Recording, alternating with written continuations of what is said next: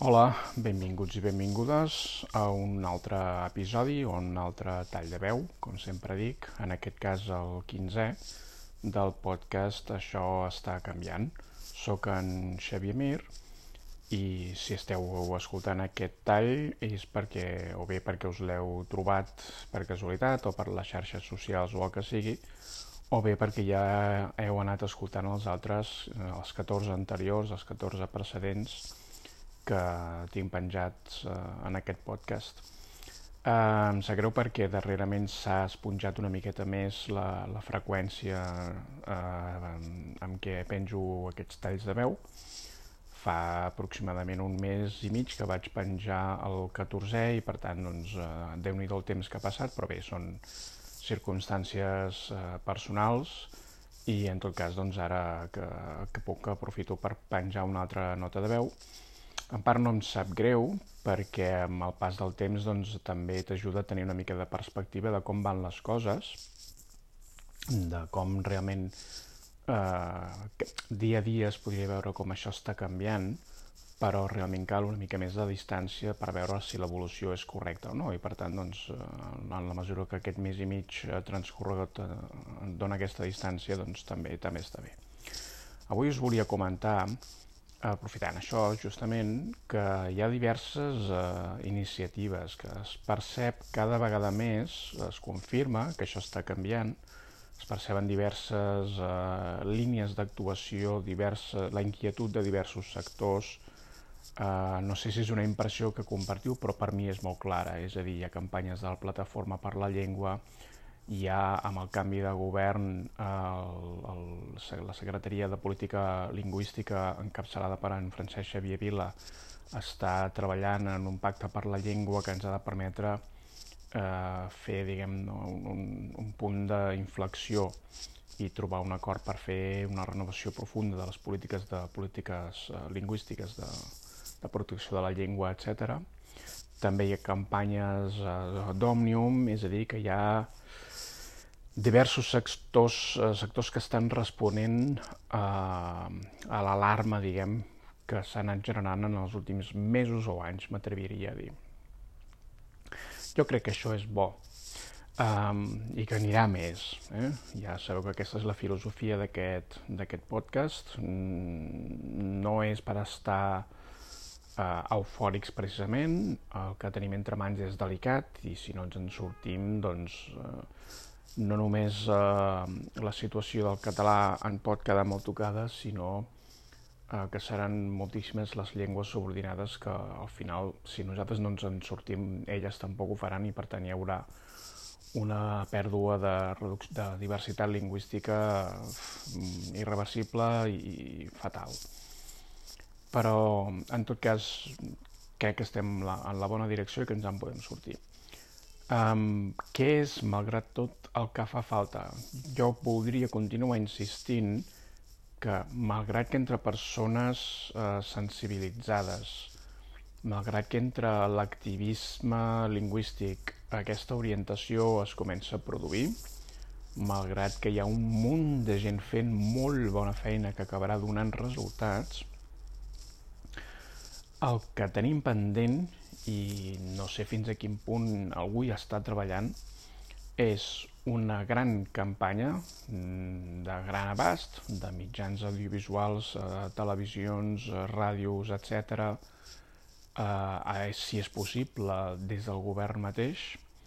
per fer que les persones tinguin la percepció de la crisi lingüística o emergència lingüística, darrerament prefereixo la paraula crisi lingüística mundial. És a dir, qualsevol conversa amb qualsevol persona de qualsevol poble o ciutat dels països catalans, si tu toques el tema de la crisi climàtica, doncs eh, es pot dir doncs, oi, que aquests dies fa calor, això és el canvi climàtic, oi, que aquestes torrentades, això és el canvi climàtic, oi, que la, el pressupost del govern per temes de, de transició energètica, això és el canvi climàtic. És a dir,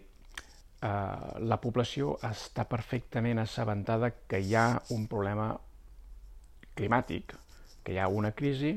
i que per tant necessitem la col·laboració de tothom, ciutadans, individus, que hem de doncs, eh, intentar reduir el consum de plàstic, eh, les emissions de CO2, canviar els nostres hàbits eh, de manera individual i massiva, però també els governs els hem de demanar que facin determinades polítiques que com a mínim aturin l'escalfament global i no sé si començar a revertir-ho, però com a mínim aturar-ho ja seria un gran què. I ja sabeu que no, que no és fàcil, que de sobte doncs, hi ha un, algun estat que es fa enrere d'acords internacionals, que no deixen de contaminar i que per tant l'esforç que molts puguem fer per una banda doncs, eh, queda desfet o neutralitzat per l'altra. En tot cas, aquest, insisteixo, és un tema que té una presència claríssima al carrer, que tothom n'està al cas, i per tant, doncs, quan hi fem referència, diguem que estem molt més coberts, és a dir, no hem d'explicar a ningú eh, ni arriscar-nos a que no ens creguin que hi ha un problema eh, de, de, de clima, d'escalfament global, de, de medi ambient, etc etc, perquè eh, es respira eh, per diversos canals i per institucions eh, públiques o privades mm, que generen molta més confiança que una persona individual, doncs això arriba a tothom. Necessitem urgentment una campanya que faci el mateix amb les llengües. És a dir, que la percepció ara mateix eh, majoritària del 90 llarg per cent de la població és que no hi ha cap problema amb les llengües i que si n'hi ha algun no és important. Per tant, necessitem una campanya del govern amb la col·laboració de totes les entitats que faci falta que expliqui que les previsions que estan fent els lingüistes són de la desaparició d'un munt de llengües i d'una pèrdua grandiosa de diversitat lingüística. Que si en el món es parlen unes 6.000 llengües, en aquest segle pot ser que quedem en la meitat o menys. I que s'expliqui el mecanisme que farà possible això i que és el mecanisme que justament hem d'intentar canviar perquè aquesta tendència es freni i, si és possible, aquí sí es reverteixi una miqueta.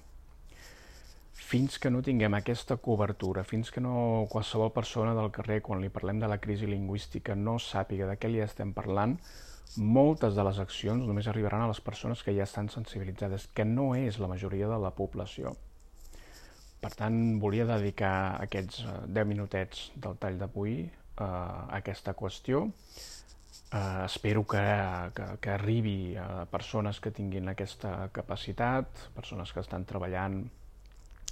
en el Consorci per la Normalització, en el, la política lingüística, entitats com Òmnium o la Plataforma, i en molts llocs més, eh, no, no els podria dir tots perquè per sort nostra són un munt d'entitats i de persones les que hi treballen, però m'agradaria fer un cop més un molt d'èmfasi en aquesta qüestió perquè la trobo imprescindible. Això està canviant, anem ben encaminats, però si en aquesta qüestió només hi posem el 10% dels esforços, trigarem molt més i necessitem una reacció ràpida i hem de dedicar un percentatge molt més elevat dels nostres esforços. Mm, qualsevol campanya que fem ha de girar eh, a l'entorn d'això o ha d'aprofitar per quedar situada en aquest marc mental Mm, hem de sortir del marc mental en què ens voldrien eh, doncs, eh, els poders que afavoreixen les llengües dominants, que és en identificar-nos amb el nacionalisme, amb les petites reivindicacions territorials identitàries, amb les nostres, eh, fins i tot amb l'independentisme. No, és un problema global, afecta totes les llengües del món i és cert que el català eh, en bona mesura és l'esperança de moltes altres llengües que no tenen les possibilitats que nosaltres tenim. Perquè al cap i a la fi, per molt que ens preocupi la situació del català, hem estat durant anys tenint un bon tou de, de persones que han practicat la lleialtat lingüística, hem aconseguit una cooficialitat i uns drets que durant molt de temps eh, ens han garantit un, una, la pervivència, i hi ha moltes llengües que no tenen ni això. I per tant eh, si el català no se'n surt, llengües que estan pitjor que el català segurament encara se'n sortiran menys. El que hem de fer és això, situar aquest problema en l'àmbit, en el marc mental que li correspon, perquè és que no ens hem d'inventar res. La realitat és aquesta.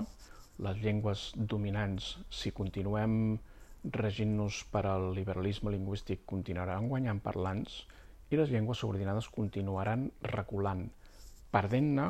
o no guanyant-ne suficients, perquè és que en guanyen molts més nous parlants, uh, si, si, si mirem jo que sé, al cap d'un any, una llengua dominant com la, la, el castellà o com l'anglès, si ha guanyat, posem per cas, uh, un milió de parlants, doncs uh, el català pot ser que en guanyi 50.000 i és evident que la proporció mm, s'explica per si sola. Per tant, necessitem explicar que s'ha de prioritzar les llengües subordinades, que qualsevol persona que les conegui totes dues, per evitar que continuï aquest procés d'homogeneïtzació, per evitar que continuï aquest procés de concentració en les poques llengües dominants que poden acabar quedant en el món, necessitem que qui conegui una llengua subordinada i estigui en condicions de parlar-la, que la faci servir en tots els àmbits que pugui. Això, evidentment, eh, genera moltes resistències, perquè és una qüestió de llibertat, de voluntat. Les persones que tenen el castellà com a llengua inicial, com a llengua habitual, com a llengua d'identificació, en alguns casos ho han fet, però en d'altres doncs, els és mm, francament difícil, com ens seria a nosaltres que de sobte alguns digués doncs, que hem de renunciar al català. No és una cosa que, que, que puguem exigir eh, a les persones i que, duren, que hagin de donar per fet. Lògicament hi ha moltes resistències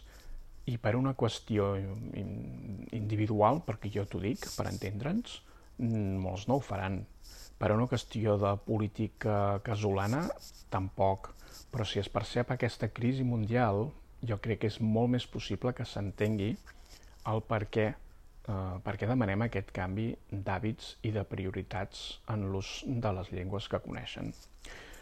Vinga, us deixo, ho deixo aquí. Espero no haver resultat excessivament pesat, però m'agradaria insistir en aquest missatge. Treballem per construir aquest nou marc mental en què situem el problema del català, que és la crisi lingüística mundial, la pèrdua dràstica de diversitat lingüística cap on ens encaminem si no fem un canvi d'hàbits i de prioritats. I la necessitat d'una campanya que ho expliqui perquè quan en cada conversa que tinguem al carrer amb qualsevol persona, jove, gran, eh, no vinguda, mm, autòctona, el que sigui, que ja sàpiga de què parlem per fer-ho molt més fàcil.